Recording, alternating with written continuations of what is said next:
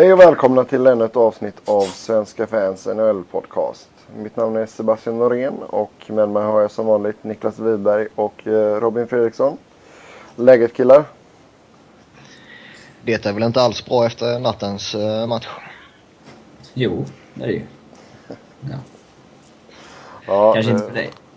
Nej, Nej, men du kan inte klaga som Philly-fan. Ni ligger inte så stabilt på en slutspelsplats. Man kan alltid hitta saker att klaga på. Ja, ja. Om man är pessimist så. Jajamän. Eh, om vi tar och slänger oss in direkt på nattens matcher. Så kan vi börja med eh, New York Islanders 5, Toronto 2. Toronto åker på ännu en eh, hyfsat stor förlust. Niklas? Ja. Ja, vi har ju...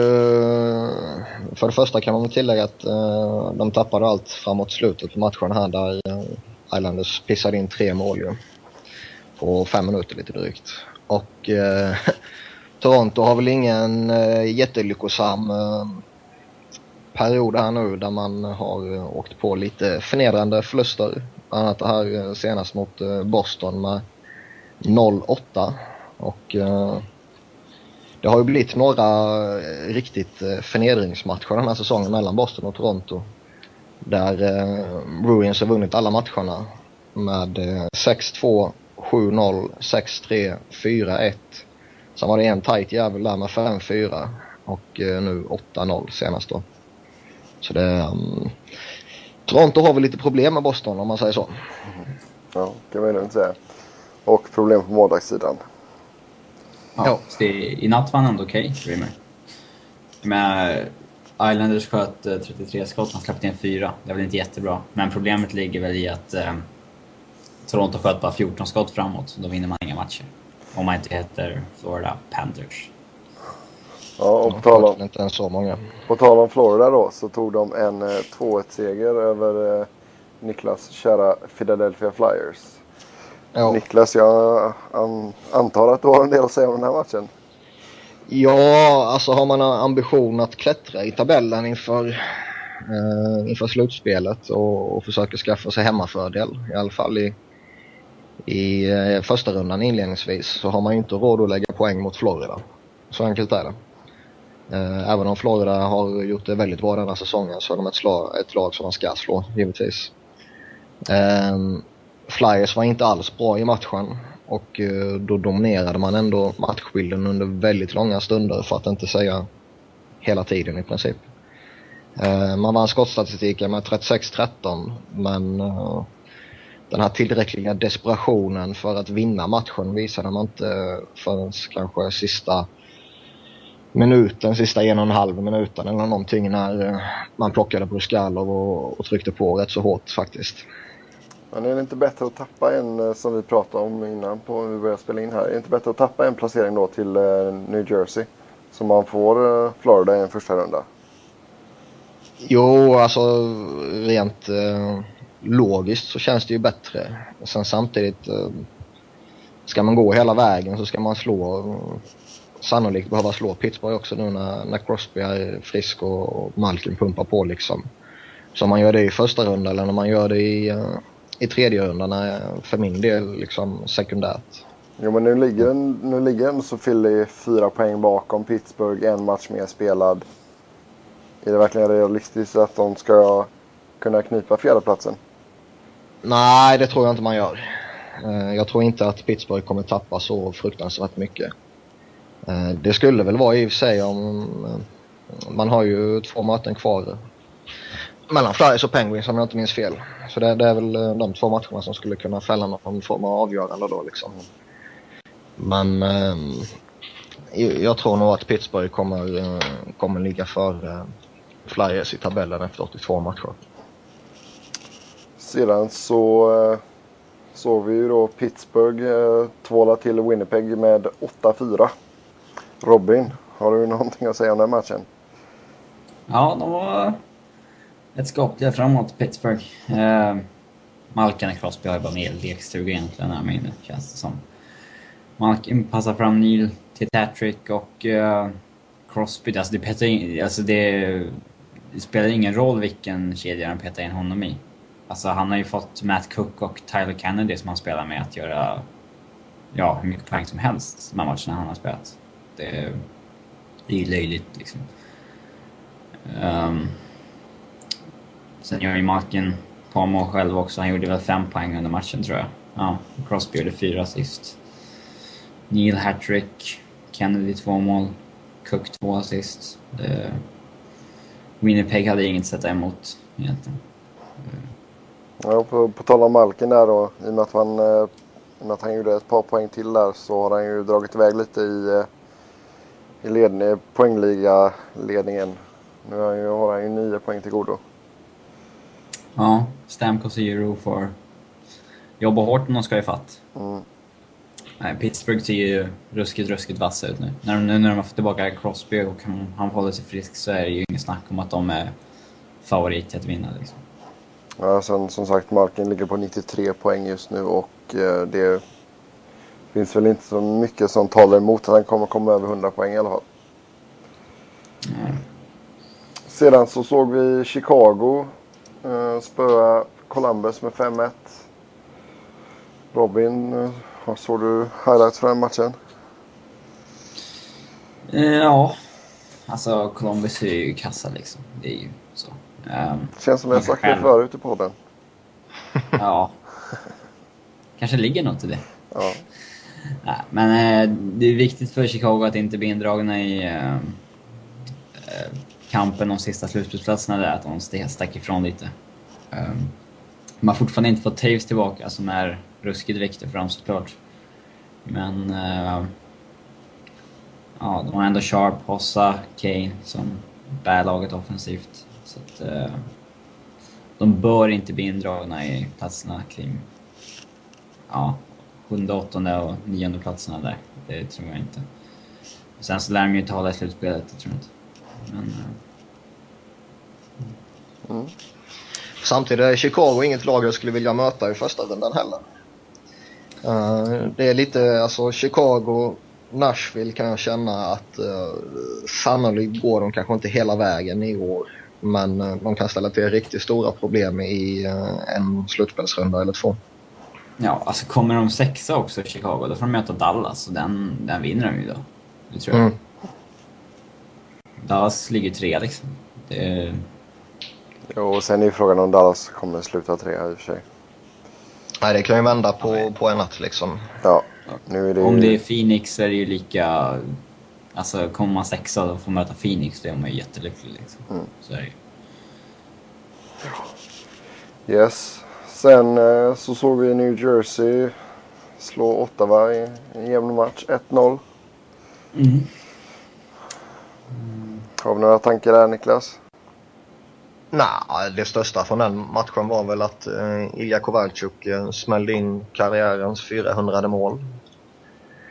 Eh, och han eh, imponerar väl fortsättningsvis också den här säsongen. Han har verkligen tagit det här sista klivet från att vara en, eh, en eh, poängproducerande liksom, diva och, och lite sådär till en fullfjädrad stjärna kan jag tycka.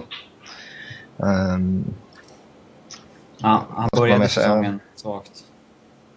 Ja, var ju mer eller mindre utskattad där och hånades titt som tätt av eh, i princip allihopa. Men uh, han har verkligen fått ordning på grejerna nu och uh, Devils är ju sanslöst beroende av honom. Men Ja, nu är han ju... Nu är han ju mycket viktigare än Parise och de andra. Ehm, kul också att Johan Hedberg går in och tar en nolla när det som bäst behövs. När de bara gör ett mål framåt. Det är Mm. grymt bra reservmålvakt att ha. räknades eh, Kvalchaks underbara självmål i de här 400? Det är ju frågan. Nej, då har han väl gjort 401 skulle jag gissa. Det måste vara karriärens vackraste självmål.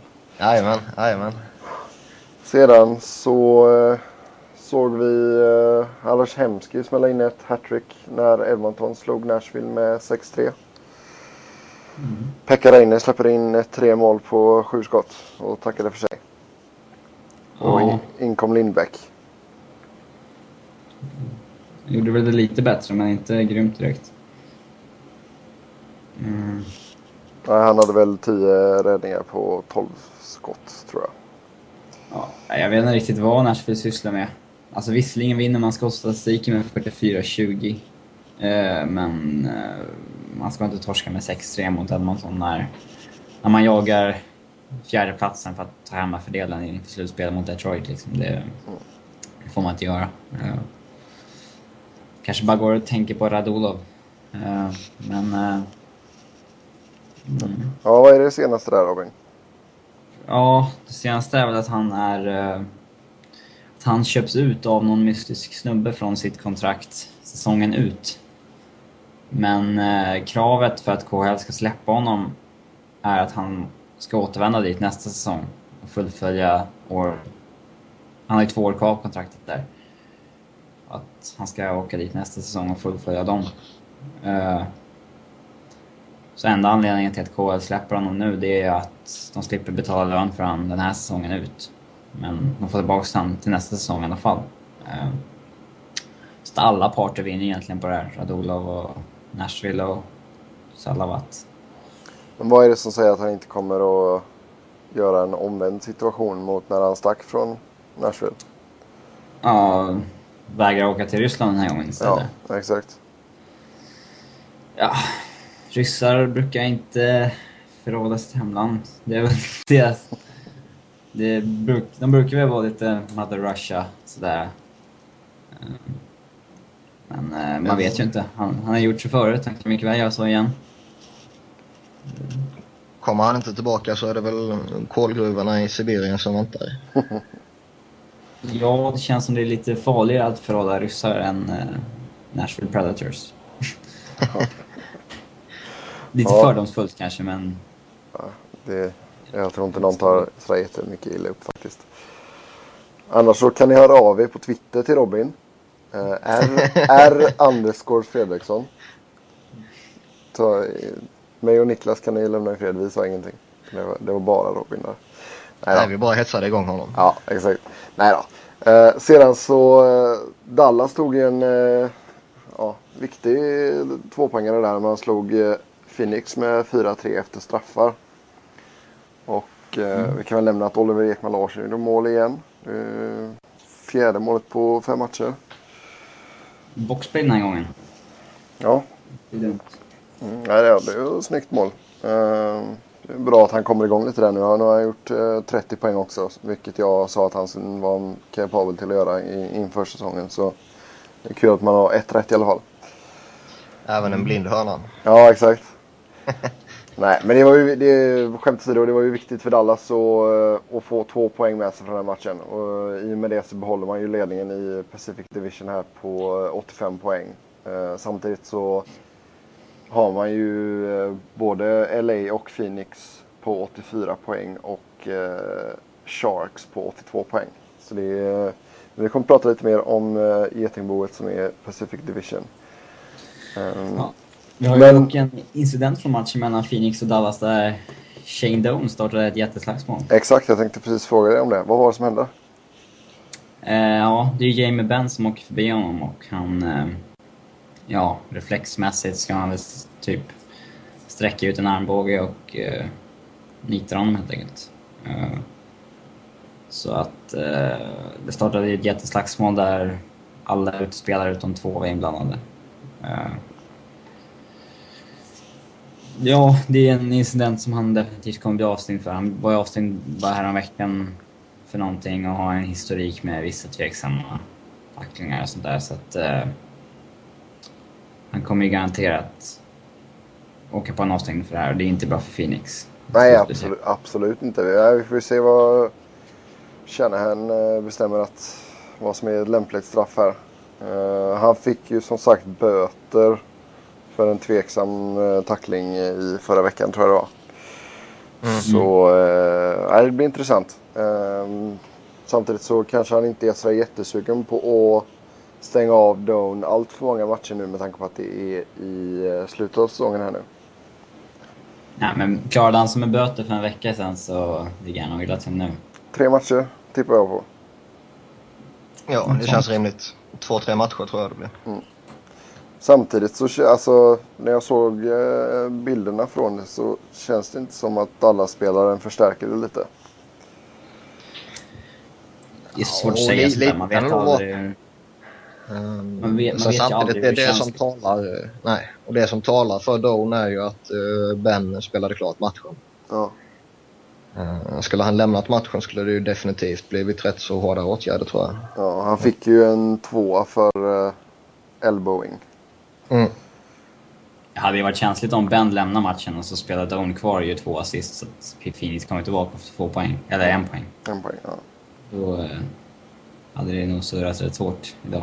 Ja. Yes, sedan så eh, tog eh, Robins kära Colorado en 2-1 vinst över Calgary i eh, övertid och det var ju också en otroligt viktig match. Ja, verkligen. De har torskat de tio senaste mot Calgary. Det bör man inte göra mot ett lag som ligger i samma division. Uh, så att... Uh, ja, så gjorde ju Calgary 1-0 efter två minuter. På Varlamov som annars har varit...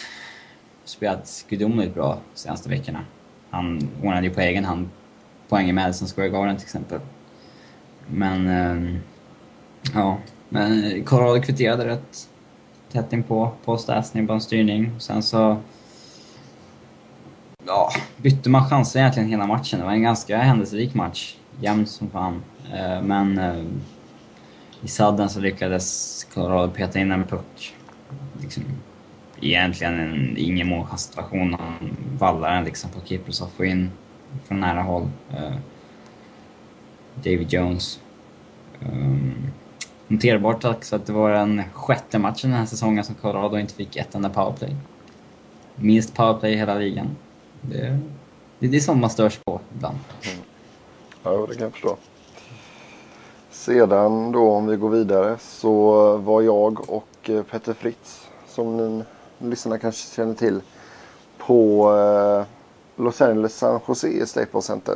Jag sitter på ett hotellrum just nu och spelar in detta är en otroligt dassig eh, internetuppkoppling. Um, men eh, LA vann 5-2. Um, ehm, började med att uh, Mike, Rick, Richards gav eh, LA ledningen och sedan så kvitterade Martin Havlat 22 sekunder senare. Det var lite sådär, man, han slängde sig upp ur stolen och var lite glad och sen så bara, jaha, vad fan hände där? Så det är kalldusch. Men eh, Alec Martinez gav eh, Kings ledningen igen i andra och eh, sedan så gjorde Anse Kopitar ett väldigt fint mål eh, till eh, 3-1 och eh, Dane Boyle reducerade men sedan så var det Dustin Penner som gjorde mål. Det var ju mindre mirakel faktiskt. Var det en spelbart innan matchen? Det tror jag inte. Det, var väl ungefär samma odds som att eh, John Evans skulle göra mål i helgen för eh, Manchester United tror jag. um, nej då, men alltså det, vi var lite förvånade faktiskt nästan. Um, och sedan så uh, satte Jeff Carter slutresultatet i uh, tombur. Det var, det var en bra match och även där var det ju en väldigt viktig seger för Kings då. Ehm, man är ju inne i en bra form. Man har fem raka. Och eh, i och med detta så eh, tog man ju eh, och gick om Phoenix och ligger just nu på en åttonde plats. Så det, det var en bra kväll. Kan vi lugnt säga. Mm. Sedan kan vi väl nämna också att eh, St. Louis Blues blev eh, som första lag slutspelsklara och eh, kom även först till 100 inspelade poäng. I eh, Eastern Conference så har New York Rangers eh, säkrat sin slutspelsplats. Och eh, det skulle väl inte förvåna mig ifall de kommer en eh, hyfsad bit över 100 poäng också. Just nu ligger de på 97. Mm. Eh, men Ehm, som sagt, det är ett getingbo i Western Conference. Det skiljer tre poäng mellan lag 7 och lag 11. Så tänkte vi börja med Western Conference när vi snackar om eh, kampen om de sista slutspelsplatserna. Eh, som det ser ut just nu så har vi Dallas då ligger trea med 85 poäng i och med att de leder Pacific Division. Så vi kommer räkna med dem också. Men sedan har vi Colorado på sjunde plats med 85 poäng. LA på åttonde plats 84 poäng. Phoenix nionde plats 84 poäng. San Jose Sharks 82 poäng tionde plats. Och Calgary Flames elfte plats också 82 poäng. Eh, Niklas, om vi börjar med dig. Vad har du att säga Mm. om eh, detta getingbo? Det är ju en sanslöst spännande upplösning vi kommer få. Eh, där alla de här lagen i princip möter varandra liksom dag in och dag ut. Med eh, något, eh, någon mellanstickare någon annanstans liksom till Boston eller Anaheim eller liksom vad som helst. Så det, det kommer ju verkligen bli en kamp in i omgång 81 och 82 tror jag. Eh, en stor del av eh, Ehm, kampen tror jag kommer avgöras just som, som jag sa då i match 81-82 för eh, LA och för Sharks som har ett dubbelmöte mot varandra då. Ehm, och det känns väl som att eh, det laget som vinner eller om något av de två lagen skulle lyckas vinna båda matcherna så känns det som att eh, slutspelet är i hamn. Så bra lär man hänga med fram till dess nämligen. Mm. Uh, annars är ju nyckeln givetvis och, och kanske att uh, kunna vinna Pacific Division. Uh, där liksom fyra lag gör upp om, om slutsegern fortfarande. Um, så alltså det, det, det är väl i princip omöjligt att säga om vad som kommer hända men uh, jag, jag tror nog att Los Angeles bör ta en av platserna i alla fall. Mm. Uh, så pass starka är man nu. Robin, vad tror du? Tror du Dallas kommer kunna hålla kvar den här Pacific Division-ledningen som de har just nu och ta hem divisionssegern? Alltså, det är så fruktansvärt jämnt. Det är ju... Alltså... Kings är ju i ruskigt bra form liksom. Det är inte alls omöjligt att de går om. Eh, det skulle jag nog tippa på att de gör just nu. Samtidigt så har man två eh, svåra matcher i veckan här. Först så kommer ju St. Louis på besök natten till fredag. Och sen natten till söndag kommer Boston. Så St. Louis har jag väl inte varit så jättebra på bortaplan. Uh, Nej, alltså de, de har ju vunnit, vad är det, drygt 50% på bortaplan. Så det är fortfarande Ja, inte dåligt liksom. Nej. Nej, men ja. Alltså det är så ruskigt jämnt. Det... Om man ska gissa så tror jag att Kings ändå kommer att knipa tredje. Med en poäng bakom Dallas nu. Uh, Colorado ligger ju sjua just nu. Men det som talar emot dem är ju att de har spelat 75 matcher. Mm. Uh, det har inte Dallas eller Kings, Phoenix, San Jose eller Calgary gjort. De ligger på antingen 73 eller 74 matcher. Och eh, Colorado har ett väldigt svårt spelschema också. Uh, man möter ju de här lagen som ligger här nere. Man möter Calgary två gånger till tror jag. Uh, och ett par av de andra lagen. De som de man inte möter som ingår i det här getingboet, det är ju lag som ligger väldigt, i väldigt bra lag, här för mig. Jag tror att man möter Pittsburgh i någon av vänderna. Ehm, så. Men... Eh, så jag, jag, är, jag är tveksam till att Colorado klarar eh, De har en väldigt, väldigt, väldigt het målvakt just nu. Det är ju en fördel. Eh, samtidigt har ju Phoenix, de har imponerat hela säsongen. Man, de jag skulle... De jag skulle säga... Om jag skulle tvingas peka på någon som inte klarar just nu, så skulle jag nog säga San Jose. Mm. Som ser ganska tama ut. Jag har sämst form av alla inblandade lagen. Uh, det är ju det som är unikt egentligen. Det är att alla de där, där nere, de har ju form som ett topplag liksom. Colorado eller Kings och... Mm. Uh, Det blir en viktig, blir en viktig match där natten till eh, fredag där mellan just Phoenix och Colorado. mm. Och Mycket, sed, mycket. sedan har ju också Phoenix ett dubbelmöte, eller ja, inte dubbel. back-to-back. Men de möter ju eh, San Jose två gånger inom loppet på, av en vecka. I, eh, Först den 24 och sen den 29 då. Så det, det är som Niklas säger där, det, det beror ju mycket på hur det blir här med de här inbördes mötena alltså. Men eh, ja, nej skulle jag skulle jag vara tvungen att tippa så tror jag nog att eh, Kings tar divisionstiteln och eh, att eh, Phoenix lyckas knapra in en åttonde plats och att Dallas och eh, San Jose missar. Faktiskt. Och jag vet inte, fråga mig inte varför. Så du tror, jag, att, Ja. tror att Colorado kommer sjua alltså? Eller? Ja. Vilka? Exakt. Okej. Jag, jag frågar mig inte varför men jag, jag tror inte riktigt på Calgary alltså. Jag gör inte det. Nej, alltså de känns inte som ett... Kollar man bara på deras trupp så känns det inte som ett slutspelslag liksom. Det... det Ja, och sen liksom på Dallas där liksom. Det, det är alldeles för mycket hänger ju på, på deras defensiv. Och det är, visst nu, nu lyckas man ta en, en straffvinst här men innan det så hade man ju två raka förluster. I Dallas fall ska det bli väldigt intressant också att se vad som faktiskt händer med Jamie Benn.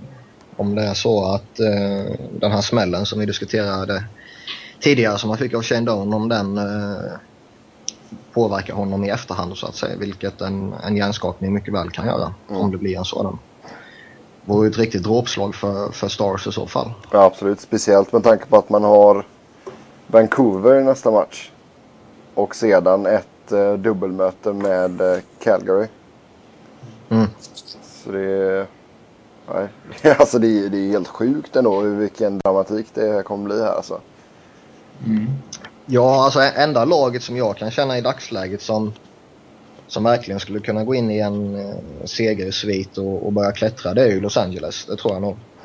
Ehm, om eh, Kopitar och Richards och Carter och de här börjar eh, pumpa in lite mål. Eh, I övrigt så känns liksom Dallas kan, kan mycket väl vinna fem raka lika väl som de kan torska fem raka. Ehm, samma sak med Colorado, Phoenix och, och San Jose också. Sharks är ju... Alltså, man blir inte kloka på dem vad, vad som händer med den där organisationen. Mm. Eh, De såg ju ruggigt starka ut på pappret eh, inför säsongen och var ju en toppkandidat hos eh, väldigt många. Och eh, väldigt många trodde ju till och med att eh, den här säsongen, säsongen kommer bli säsongen där de går hela vägen. Eh, Så har det ju inte riktigt blivit och förlorarmentaliteten i hela lagbygget känns ju som att det kan stjälpa dem i den här situationen också. De, de känns ju som laget som lider absolut mest av situationen som är där nere. De andra lagen Mm. tycker ju nästan det är kul att vara inblandade, som Phoenix och de här som kanske inte hade räknat med slutspel. Liksom. Ja, och tit- tittar man på de här liksom Colorado, LA, Phoenix, eh, Calgary, Dallas. De, de har ändå en erfarenhet av den här situationen under några år tillbaka. Mm. Eh, Medan eh, Sharks rent generellt i slutet på mars brukar ju cruisa lite uppe i toppen. Ja exakt. Mm. Ja, det är spänn- många spännande möten här nu. Men de lagen som kommer 7-8, tror vi att de har någon chans att utmana överhuvudtaget? Jag kan säga att de som får möta Vancouver har nog en chans att skrälla lite, för de ser ju... Jag vet inte om de kanske vaknar till när det är slutspel, men fan, Longo vet vi hur han brukar se ut när det är slutspel och Sedinerna har ju varit iskalla i två månader typ. Alltså, Man, man ser ju tendenser nu både, både hos eh, Vancouver och Boston som, som var i final i fjol att eh, två så här långa krävande säsonger börjar kanske ta ut sin rätt för dem nu. Eh, Ja. Man ska ju veta det att i, i dagens NHL så är det ju grymt tufft att eh, göra två så pass starka säsonger i rad eh, och gå till final med så pass tuffa matchserier som båda lagen hade också. Eh, Och man börjar märka det nu på, på båda lagen faktiskt. Och jag, jag tror nog att mot både Vancouver och, och St. Louis eh, har man goda chanser att skrälla. Framförallt mot, eh, som du var inne på Robin, eh, Canucks. ja, det skulle men vara jätte, jättekul att se en matchserie mellan Vancouver och Colorado. Väcka den rivaliteten lite. som har sovit ett tag. Mm. Nej, men det är, det är som du säger Niklas, det är lite svårt också att veta hur, eh, hur St. Louis kommer att uppträda i ett slutspel också. I och med att det,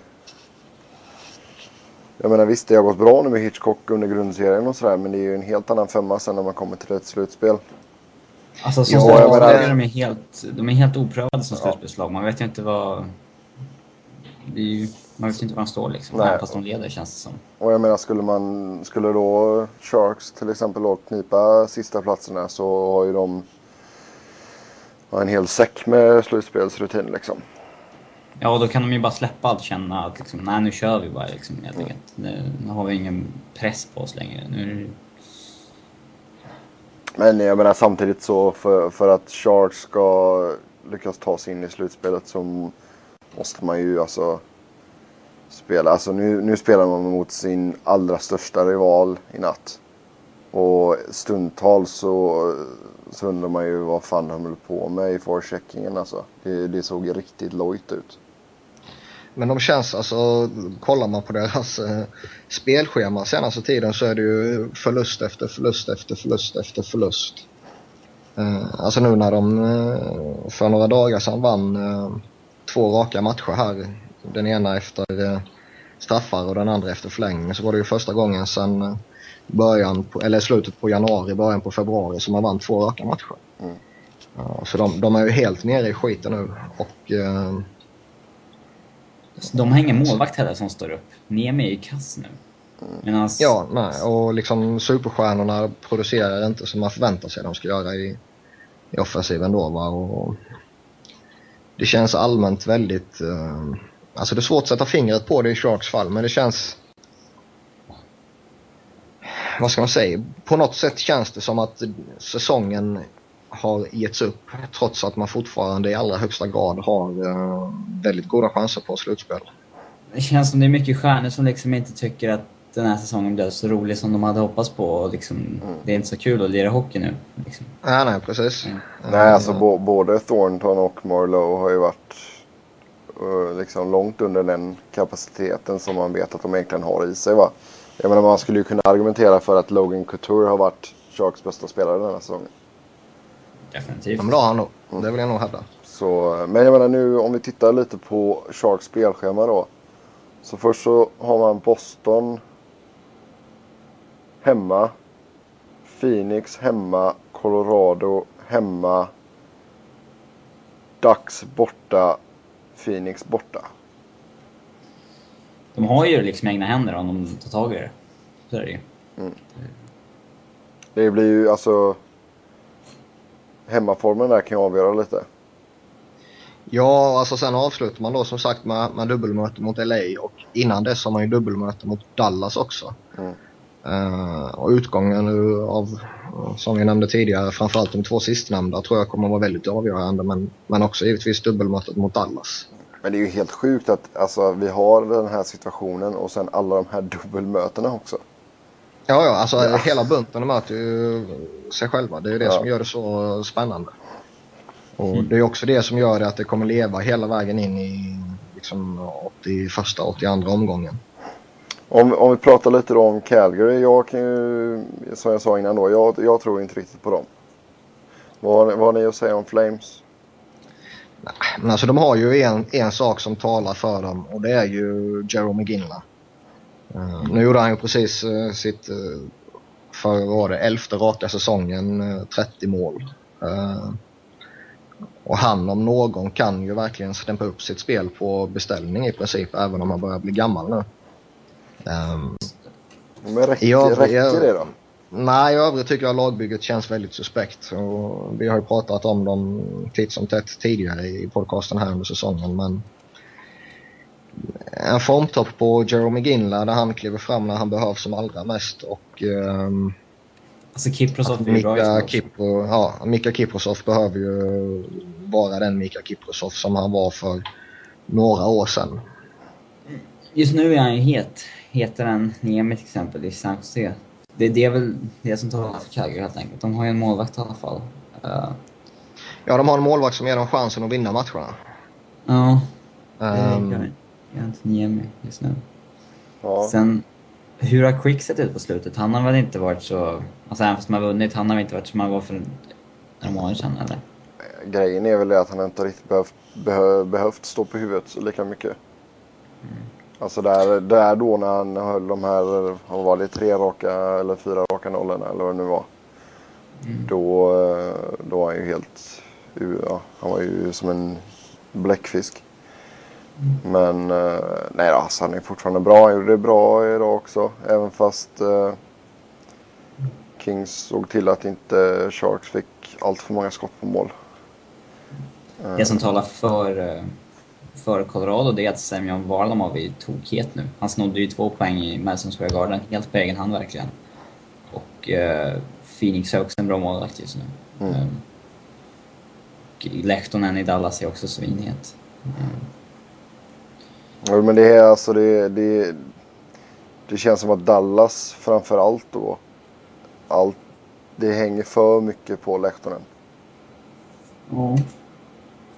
faktiskt. Eh, Det, det är väl därför jag inte riktigt tror på dem heller. Men eh, som sagt, vi får ju se. Det är, mycket avgörs ju i de här dubbelmötena då. Om vi tittar på Calgarys eh, närmsta fem matcher så har de Minnesota borta natten till fredag. Dallas borta natten till söndag och Dallas hemma natten till tisdag och sen eh, Kings och Colorado senare i veckan. Så det, det är ju exakt som vi... Ja men det är Men som vi pratade om. Ja, ja visst. Det är, eh, det är en, konspira- det är en ju- konspiration. Ja. Sen har ju Dallas, eller Dallas, förlåt, eh, Calgary har ju också en, vad som känns i dagsläget, en fördel i de tre sista matcherna där man först har ett dubbelmöte mot Vancouver. Eh, ett Vancouver som då sannolikt inte kommer ha någonting att spela för. Utan eh, andra platsen i konferensen och första platsen i divisionen lär ju vara säkrad. Eh, och ingenting kan hända varken uppåt eller neråt. Och sen Anaheim i sista matchen och Anaheim vet vi ju inte har ett skit att spela om. Ja, men de vinner ju för fan ändå. Ja, jo, men gör man det åt i andra matchen? Eller omgången? Jag vet inte. Ja, kanske inte. Det, det, det känns lite som att det, det är kanske där som Calgary också får lägga in sin, eh, sitt, eh, sin stora förhoppning om man säger så. Ja, då tar vi och lämnar Western där om inte ni har något mer att tillägga. Nej, det är väl så. Det enda som eh, Colorado har ett dubbelmöte mot, eller de ska möta Vancouver två gånger till. Det är väl det som skrämmer lite utöver matcherna mot ja, rivalerna där nere. Det, I övrigt är vi väl klara med West. Ja. Jag kan väl tillägga det också att jag och Petter Fritz kommer att köra en liten eh, Pacific eh, special och även snacka hela Western Conference eh, nu när vi har tid i eh, Los Angeles här och eh, få träffas eh, på riktigt och allt sånt här och roligt ihop och gå på hockey. Så eh, ni kan hålla utkik lite senare i veckan när den specialen kommer upp. Då går vi vidare till Eastern Conference. Och det är väl inte riktigt lika spännande där, får vi väl säga. Nej, Ehm, Det är väl nästan så att vi kan räkna att Florida tar divisionssegern där va? Ja, i och med att de vann nattens match så ser det ju faktiskt bra ut för dem. Uh, har en match till godo mot eh, Washington också. Skiljer fem poäng där nu. de är i bra Eh. form också. Fem raka. Ja, och jag kan väl inte se Florida liksom kollapsa sådär och bara börja rasa heller. Eh, samtidigt som jag inte kan se Washington tända till på alla cylindrar och, och börja klättra rakt upp. Eh, utan Fl- Florida lär ju efter nattens match ta eh, tredjeplatsen i, i Eastern, det, det tror jag också. Utan eh, vad Washington kan hoppas på istället, det är ju kanske att klättra förbi eh, Ottawa. Mm. Ja, jag tänkte att vi koncentrerar oss där. Vi har Ottawa på en sjunde plats med 84 poäng. Sedan har vi Washington åttonde plats 80 poäng. Buffalo nionde plats 78 poäng och sedan Winnipeg på 76 pinnar på tionde plats. Tänkte att vi, det räcker där va? Ja. Om vi, om vi börjar med eh, Ottawa då. Eh, anförd av eh, Erik Karlsson. Ja. Det, det borde väl eh, gå grejer detta va? De bör klara en slutspelsplats. Eh, utan tvekan. Även om eh, jag är inte jätteförtjust i Ottawa eh, och jag inte ser dem som något större hot i, i ett slutspel så um, ska man inte tappa sex poäng ner till Buffalo. Och även om Buffalo har en match till godo mot dem. Um, det, det, nej, jag, jag, ser inte hur de ska göra det. De, de gör lite för mycket mål för att det ska vara möjligt känns det som. Och sedan så tror jag inte att det, de har ju två matcher mer spelare än Boston som leder division, divisionen där. Mm. Så vi kan väl inte riktigt prata om att de ska kunna lyckas ta sig förbi Boston här va? Nej, det såg ju riktigt bra ut för, för några dagar sedan då de till och med var uppe i, i divisionsledningen. Mm. Men eh, det var ju då Boston var som allra värst. Men eh, nu har ju de kommit igång lite igen. Och... Ja, Boston har ju vunnit två samtidigt som eh, Ottawa har förlorat två. Ja, precis. Det kändes väl lite som att Boston gjorde rycket som, som behövdes där då. Mm. Om vi tittar på Ottawas fem kommande matcher här då så har man Montreal, Pittsburgh, Winnipeg, Philadelphia och New York Islanders. Och fyra av dessa matcher är på bortaplan. Mm. Ja, fan, nej, åtta har ändå liksom varit okej okay på bortaplan. De har 18-12-6 record på bortais och eh, formen är ändå okej okay, nu känns det som. Eh, de hade ju en period i, i januari, februari där, där allting gick precis helt fel. Nu har de väl i, i princip eh, varvat eh, två förluster med två segrar, två förluster, två segrar under eh, några veckors tid här. Eh, ben Bishop har kommit in och han gör det faktiskt rätt bra numera. Eh, den storvuxna talangen. Eh, Sen är det väl känslan just, just som, som vi var inne på att, eh, att Ottawa gör så pass många mål så att man ska kunna ta sig till slutspel.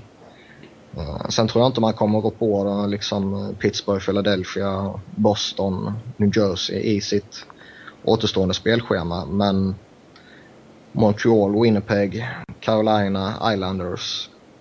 Där ska man ta tre segrar minst och det bör räcka. Mm. Sen kommer man ju säkert ta en poäng mot de fyra övriga lagen också. Men, mm. Men eh, visst, eh, alltså det skulle ju vara... Det skulle ju bli en intressant eh, matchup mellan Ottawa och Boston. Det känns ju ganska öppet med tanke på Bostons senaste form liksom. Om Ottawa skulle komma sjua och Boston tvåa. Eh, det skulle inte kännas helt givet att Boston tar det där.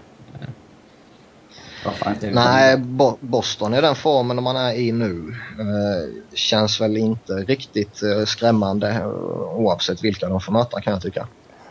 Mm. sen vet man också att de har ett grundspel där de kan i princip direkt eh, snäppa på och, och, och börja liksom eh, stänga igen matcherna och, och hoppas att man vinner på liksom 2-1 och, och sådana resultat.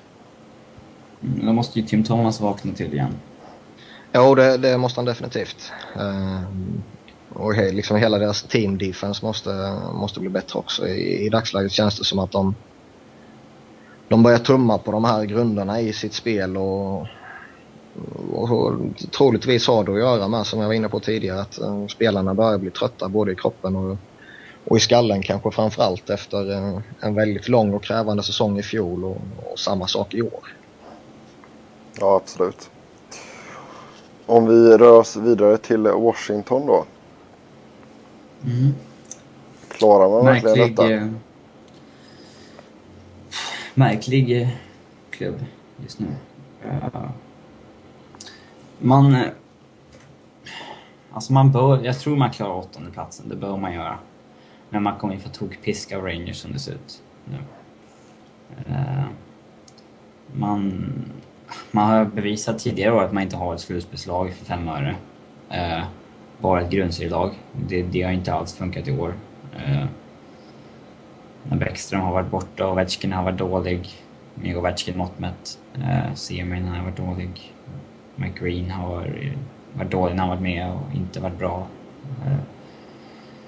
Överhuvudtaget egentligen. Ehm, de... Eh, de, de gjorde ingenting heller på trading deadline, de försökte inte med någonting. Eh, så att de, de kommer nog göra en makeover i sommar och hoppas... Ja. Jag tror att de kommer åtta, men de åker nog på piska Rangers ganska snabbt. Ja. Fast jag, jag skulle inte räkna bort Washington så, så fort. Nu, nu ska gudarna veta att jag inte är någon jättesupporter av, av Capitals på, på något sätt. Va? Eh, och har eh, slängt eh, mycket skit på dem genom åren, vilket från min sida har varit befogat kan jag tycka. Men de är i rätt bra form nu och det känns som att eh, alltså hela laget och kanske framförallt de här stjärnorna nu äntligen börjar på något sätt eh, köpa in, förstå och eh, anpassa sig fullt ut till Dale Hunters eh, filosofi och, och spelsystem. Ehm, det känns som att Washington jag tror inte de kommer gå hela vägen, inte på något sätt. Men eh, tar de sig till slutspel, vilket jag tror de kommer göra och vilket de bör göra, så tror jag de kan ställa till problem för Rangers. Framförallt eftersom Rangers form har eh, dalat rätt saftigt senaste veckorna. Ja, om vi kollar på Washingtons närmsta fem här då så eh, först möter man eh, Philadelphia på bortaplan. Jag antar att Niklas tror att det blir stor förlust där. Det kommer det garanterat bli. Sedan har man ju tre väldigt viktiga hemmamatcher då. När man först möter Winnipeg. Sen Minnesota. Det är väl en garanterad eh, vinst där nästan va? Och eh, sedan Buffalo. Och det är ju de, Buffalo och Winnipeg är ju de två lagen som jagar Washington. Så eh, jag menar, vinner man de två matcherna så kan man väl nästan eh, säga att det är klart va? Ja, där har man det i sina egna händer i princip. Uh, om man ser på de tre matcherna efter Philadelphia-matchen, det vill säga Winnipeg, Minnesota och Buffalo. Tar man, uh, lyckas man ta tre segrar där, uh, vilket finns alla förutsättningar för att man ska kunna, så då känns det nog som att slutspelsplatsen är i hamn. Det tror jag. Sedan har man Boston på bortaplan där för att runda av veckan. Um, då rör vi oss vidare ner till Buffalo då som är två poäng efter Washington och eh, är lite bättre form än Washington är just nu.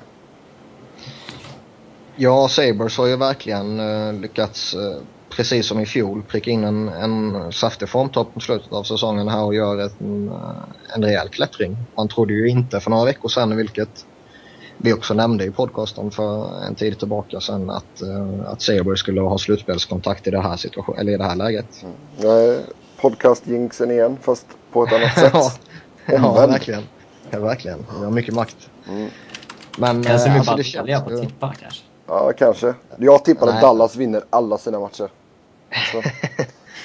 Kommer de torska alla. Men det, det, det, känns väl som att om man, om man säger så att Buffalo som lag kommer inte klara att ta sig till slutspel. Men Ryan Miller kan mycket väl göra det.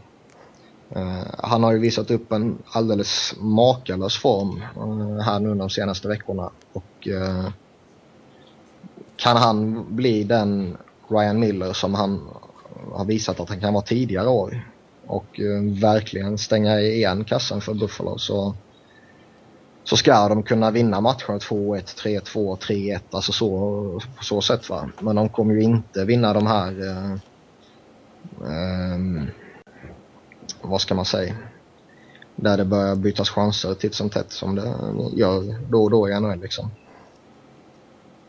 Ja, de har ju Montreal, New York, Minnesota och Washington då, och Pittsburgh eh, den kommande veckan. Här. Um, Montreal och Minnesota känns väl ändå så som det är två matcher som de bör vinna. Ja, man tycker det. Uh, ska Sedan- man till slutspel så är det två matcher man måste vinna till Ja. med. Men sedan är det ju då New York i Madison Square Garden. Det är ju inte den eh, lättaste bortamatchen direkt i år. Nej, alltså de har ett rätt tufft schema kvar faktiskt. Mm. Men som du säger, eh, Rangers och, och sen eh, Washington-matchen som vi var inne på tidigare. Sen kommer Pittsburgh direkt efter det. Och, Mm. och man avslutar eh, med Philadelphia och Boston. Um, båda två lagen kommer sannolikt ha någonting kvar att spela för då kanske. Mm. Sen dessemellan har man i och för sig ett dubbelmöte mot Toronto där man bör kunna plocka fyra poäng tycker man. Men eh, som sagt, jag, jag tror inte att man kommer klara det. Ja, nej, det är som sagt mycket hänger på Ryan Miller i så fall. Ja, jag skulle säga allting hänger på honom. Om vi då tar det sista laget här då, eh, Winnipeg. Då, då tror vi inte på dem helt enkelt. Nej, alltså Winnipeg var... Ja, vad kan man säga om dem egentligen? Alltså de... De känns inte på, alltså som ett lag som... Som kan göra det där rycket som, som givetvis kommer krävas. Ehm, de har ett lagbygge som inte direkt eh, kryllar av potentiella matchvinnare. Ehm, varken i mål eller, i, eller framåt i dagsläget. Och det som framförallt talar emot dem som jag kan känna är väl att de är rätt eh, svaga på bortaplan och har sex av nio eh, kvarvarande matcher på bortais. Mm, jag tänkte precis komma till det. det har ju, alltså, de har ju spelat bra hemma tycker jag ändå så under säsongen. Men eh, är som sagt ganska eh, halvdana på eh, bortais. Mm. Så eh, absolut, det är, väl, det är väl det allra största som talar emot dem, skulle jag vilja säga. Och det är, sen det är ju, det är ju ingen, visst alltså. Det är Washington borta först då och sedan Nashville borta. Sedan har man två hemmamatcher. Men då är det mot Ottawa och New York Rangers.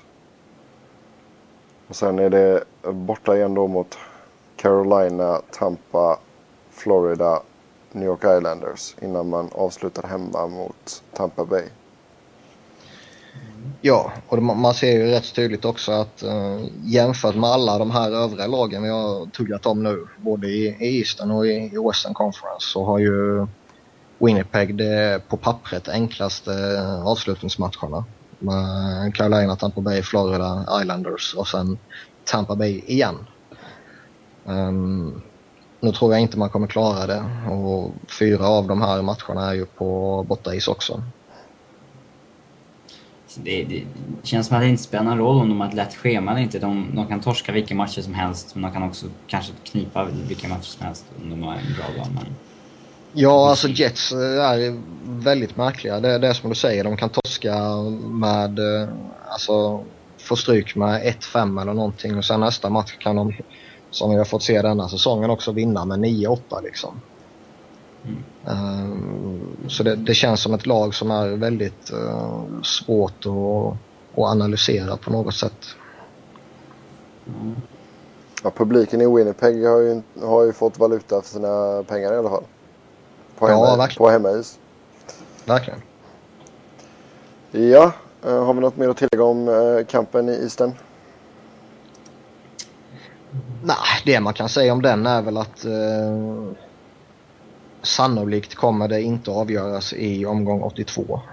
Eh, utan jag, jag kan tänka mig att eh, det kommer avgöras eh, omgång ja, 77-78 där runt omkring kommer det nog vara mer eller mindre klart.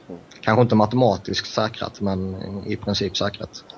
Vi, är ganska överens om att det blir eh, Ottawa och Washington som tar de två sista platserna. där.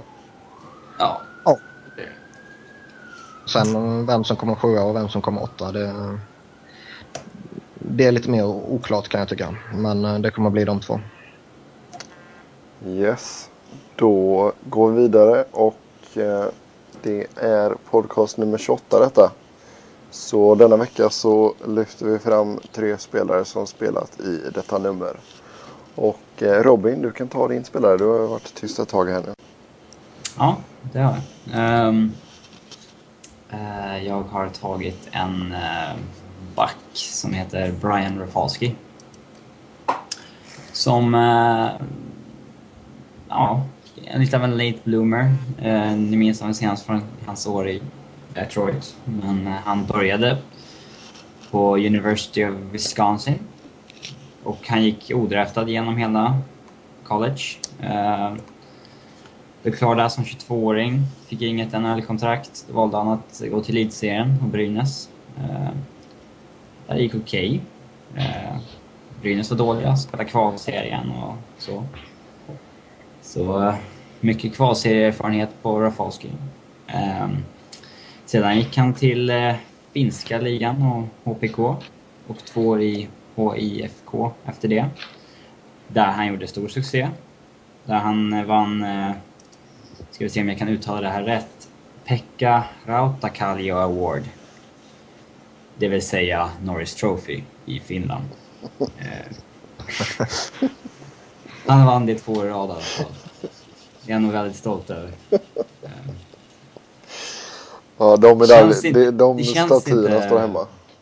Ja, det känns inte lika tyngd alltså, som Salming Award i Sverige. Men eh, Pekka Rautikallio är ju också något att vara stolt över kanske. Men efter de tre säsongerna i Finland så signades han av New Jersey Devils som en free agent, som 26-åring. Och eh, ja, gick genast in och gjorde bra säsonger i New Jersey. Eh, spelade OS 2002. Eh, blev till slut eh, sju säsonger i Devils innan han fick ett bra kontrakt i sin hemstat Michigan av Detroit Red Wings.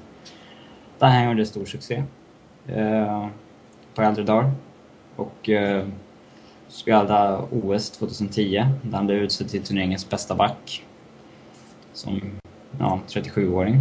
Och eh, avslutade 2010-2011 i Detroit också. Ehm, han hade ett år kvar på kontraktet den här säsongen på eh, väldigt hög capita. På, han avstod cirka 40 miljoner kronor för att sluta ett år i förtid, helt enkelt. Det kan tyckas vara lite märkligt när han kom in rätt sent i NHL ändå. De brukar välja köra så länge de kan, de som kommer in 25-årsåldern eller efter college. Men, eh, ja, han kände väl att det var dags helt enkelt. Han hade vunnit tre Stanley Cup. Ehm, det är ju ett väldigt bra facit på så kort tid i NHL ändå. Han spelade 11 säsonger liksom, vann tre Stanley Cup. Ehm, han var liksom en eh, back som påminner kanske lite om Niklas Lidström i Detroit där han spelade inte så fysiskt men eh, bra passningsspel, bra spelsinne, bra powerplayback. Ehm, Jobbade mer med klubban än med kroppen i försvarsarbetet väldigt liten back på 1,78 cm stor men eh, var ändå en av NHLs bästa backar på äldre dagar. Mm. Ja, vad har ni att säga om Rafalski? Vi kan ju tillägga att han även har vunnit uh, Matti Keinonen Trophy för bästa mm. plus minus statistik. Och uh. Kultainen Kyppere Award. Ligans bästa spelare. Ja. Jag, han gjorde stort avtryck i, i Finland på ett par år där. Ja, verkligen. Eh, stort. Sen han var ju ruggigt bra i OS 2010. Ja, verkligen. Han blev ut, uh, så jag menar, utsedd som bästa backen i turneringen liksom. Mm. Så det, är, det är stort. Det är coolt när spelare kan komma in sådär på äldre dagar och odraftade och sånt där. Det ger ju ändå liksom hopp till spelare som spelar i elitserien och finska ligan och sådär som 25-26-åringar att det kan liksom gå. Ja, ja absolut. Det är, det är så här en American dream. Mm. Niklas? Jo? Big Chell. Ja, jag har ju då valt en eh gammal klassisk försvarare. Inte den här eh, lille snubben som arbetar mycket med klubban utan jag tog en riktig bjässe som arbetar både med sin eh, 3,5 meters klubba och sin eh, eh, sin kropp då givetvis i Big Kjell Samuelsson. Eh, trots eh, den här eh, lilla smutsiga detaljen att han är från Tingsryd. Eh, som en eh, Växjöbo inte alltid är helt nöjd med kanske. Men det, ingen är perfekt. Så vi får väl ha överseende för Big Shell också. Jag vågar inget annat helt enkelt. Uh, han draftades av eh, Rangers ursprungligen men uh, gjorde 39 matcher för dem bara fördelat på två säsonger innan uh, han hamnade i Philadelphia i utbyte mot Bob Froese, den gamla målvakten bland annat. Uh, första NHL-matchen kom säsongen 85-86 för Rangers och säsongen efter det så hamnade han i, i Flyers då va. Och uh, självklart tog han en ordinarie plats i Flyers direkt efter traden och uh, i sin första säsong hos Flyers gick man hela vägen till Stanley Cup-final.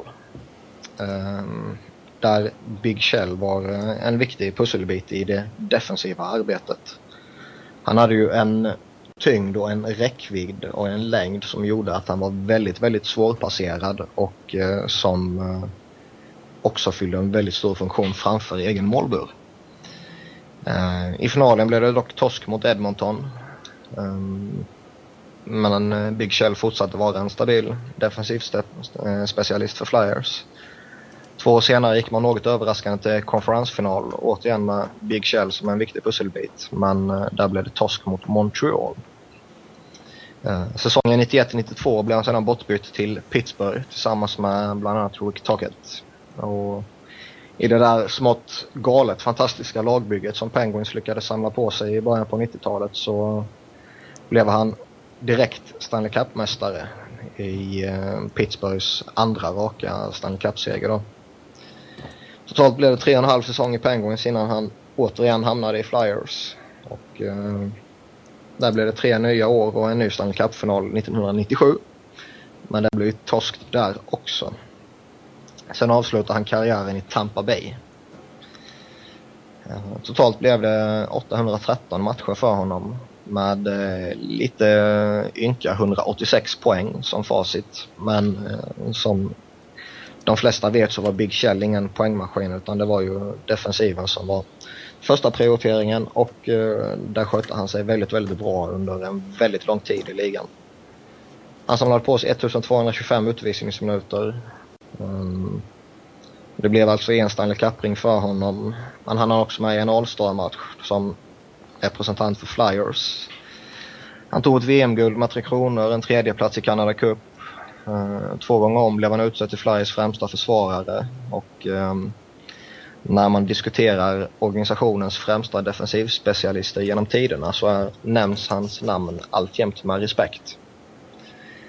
Ehm, efter den aktiva karriären så har han stannat inom Flyers organisation där det främst har varit som assisterande coach i farmarlaget i AHL. Ehm, I dagsläget är han eh, associate coach kan man väl benämna hans titel som. Um, där han inte är, um, vad ska man säga, en, uh, en fullfjädrad assisterande coach som uh, är med på daglig basis utan någon form av uh, hjälpcoach som glider in lite då och då, kollar lite matcher och, och hjälper till. Han, har väl inte, han var väl fullfjädrad coach när han var i Philadelphia. Men han har väl inte hängt, med när de har flyttat till eh, eh farmlaget flyttades väl för två år sedan? Eh, jag har för mig han gjorde det första året kanske utan att vara helt, eh, helt säker. Uh, kan, kanske ett eller två år men eh, han har i alla fall dragit ner lite på sin aktivitet. Eller om det är så att det är organisationen Philadelphia som har dragit ner på hans aktivitet, det vet jag inte men nu, nu gör han inte en assistant coach eh, jobb i alla fall utan eh, mer någon form av hjälpcoach där hans roll är lite otydlig för utomstående. Ja. Hur, hur var hans insats i Östis, österrikiska ligan med VEU Feldkirch? Han gjorde ju dundersuccé. Sex matcher, ett mål, en assist, fyra utvisningsminuter. Eh, lika många mål som han gjorde sista säsongen i Tampa Bay? Ja, typ. på 46 matcher. Nej, så det var ju dundersuccé givetvis. Ja. Nej, han, han lämnade ju Tampa mitt under säsongen där. Um, när eh, kroppen började brytas ner. Och sen gjorde han, uh, vad ska man säga, sluttampen i uh, österrikiska ligan där då med Feldkirch. Nej, fint. Han ville, han ville ha lite alpenmiljö kanske. Det är aldrig fel. Ja, Big Shell. Ja, det är stort. Mycket stort. Mm. Då går vi över till en annan svensk. Nämligen Thomas Sandström. Som eh, har ett litet speciellt, en liten speciell plats i många Kings hjärtan. Eh, men han började faktiskt karriären i New York Rangers. Eh, han blev eh, draftad i eh, andra rundan. 36 overall. Och spelade i New York mellan 84 och halva 1990 där. Innan det bar av till LA och Kings. Där han gjorde fyra och en halv säsong. Ehm, ja, fyra kan man väl säga i och med att det blev tre. Ja, vi säger fyra. Ehm, han eh, var en väldigt viktig pusselbit faktiskt när eh, Kings tog sig till Stanley Cup-final mot eh, Montreal. Då hade han 25 poäng på 24 slutspelsmatcher. Han hade ju lite skadeproblem där i grundserien så det blev bara 39 grundseriesmatcher för honom. Men han gjorde ändå så 52 poäng där. Eh, sedan så eh, efter Kings-perioden där så bar det av till eh, Pittsburgh Penguins. Eh, han kom ju eh, i utbyte mot eh, bland annat Martin McSorley där. Eh, han eh, gjorde en liten eh, avstickare till Malmö också. När det var eh, mini-lockout där 94-95. Eh, och eh, halvvägs in i säsongen 96-97 så gick han till eh, Detroit Red Wings. Och eh, där han även fick eh, en eh, Stanley Cup. Innan det, eh, ja, han spelade bara den lilla sluttampen där med Detroit. Eh, gjorde väl inget större avtryck egentligen. 18 poäng på 34 grundspelsmatcher och eh, 4 assist på 20 slutspelsmatcher. Eh, efter det så eh, signade han som free agent med eh, Mighty Ducks av Anaheim som de hette då. Och spelade där i eh, två säsonger innan han eh, vände tillbaka till Sverige och avslutade med eh, tre år i Malmö. Sammanlagt så spelade Thomas 983 NHL-matcher. Smaskade in 857 poäng fördelat på 394 mål och 463 assist. Han eh, samlade även på sig eh, fina 1193 utvisningsminuter. Och eh, han gjorde även 139 slutspelsmatcher, Eh, 81 poäng, 32 mål, 49 assist och eh, 183 utvisningsminuter där. Eh, det jag kommer ihåg av eh, hans tid, det är ju mest i Pittsburgh då faktiskt. Eh, jag var lite för ung. Jag kommer ihåg hans sista år där i Kings. Men eh, alltså det, det var ju en power Eh, väldigt uppoffrande spelstil. Han, var ju, han hade ju stora alltså, skadeproblem på grund av hans spelstil, eh, spelstil då. Och eh, han droppade ju även handskarna när det var läge liksom. Och det, han åkte ju på ögonskada och brutet, brutet käkben och lite andra gottiga skador på grund av eh, fighter. Um, har ni någon till och, någonting att tillägga om Thomas Sandström? En grymt skön spelare givetvis, men som har representerat många smutsiga lag. I Rangers och Penguins och Red Wings framförallt. Inte för att glömma Kings då också, smutsigaste av de smutsiga. Malmö. Nej men det, det var... Alla tycker man mest synd om. Ja faktiskt. Nej men det var lite kul för vi, vi, vi träffade lite eh, Kings-bloggare och sådana grejer här i eh, periodpausen. Och eh, de började ju ganska omgående att nämna Sandström faktiskt. När vi sa att vi var från Sverige då. Så det är kul att han fortfarande är ihågkommen. Ja men så är det alltid. Det var samma när jag var i Philadelphia nu och man började prata om Sverige. Då var det ju direkt Big Kjell och det var Pelle Eklund och det var eh, Pelle Lindberg och, och så vidare. Ragnarsson. Nej. Nej. Men sedan så, vi kan också nämna det att eh, när det gjordes en, eh, en bok eh, som heter 100 Ranger Greats eh, som kom ut 2009 så eh, var han rankad som nummer 70. Alltså av Rangers allra bästa spelare genom tiderna. Säger rätt mycket om den organisationen. Nej, skämt åsido. Sandström var ju en grym uh, lirare framförallt i, Rangers och Kings-tiden givetvis. Ja, sen det var... Ja, det var fint faktiskt. Ja. Uh, har vi något mer att tillägga Robin? Uh, ja, för uh, en halvtimme sen så blev det officiellt på Nashvilles hemsida att Radulov är uh, helt klar. De har lagt upp en bild på honom i omklädningsrummet. De hoppas att han ska spela redan på torsdag. Så det, ja, vi får avsluta med breaking news. Det är ju klockrent.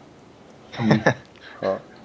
Och med den fina nyheten då så tackar vi för oss för denna veckan. Eh, som vanligt så vill ni komma i kontakt med oss så är Twitter bästa mm, ja, mediet för det. Eh, mig hittar ni på Seb Noren i ett ord. Niklas hittar ni på Niklas Wiberg i ett ord, Niklas med C.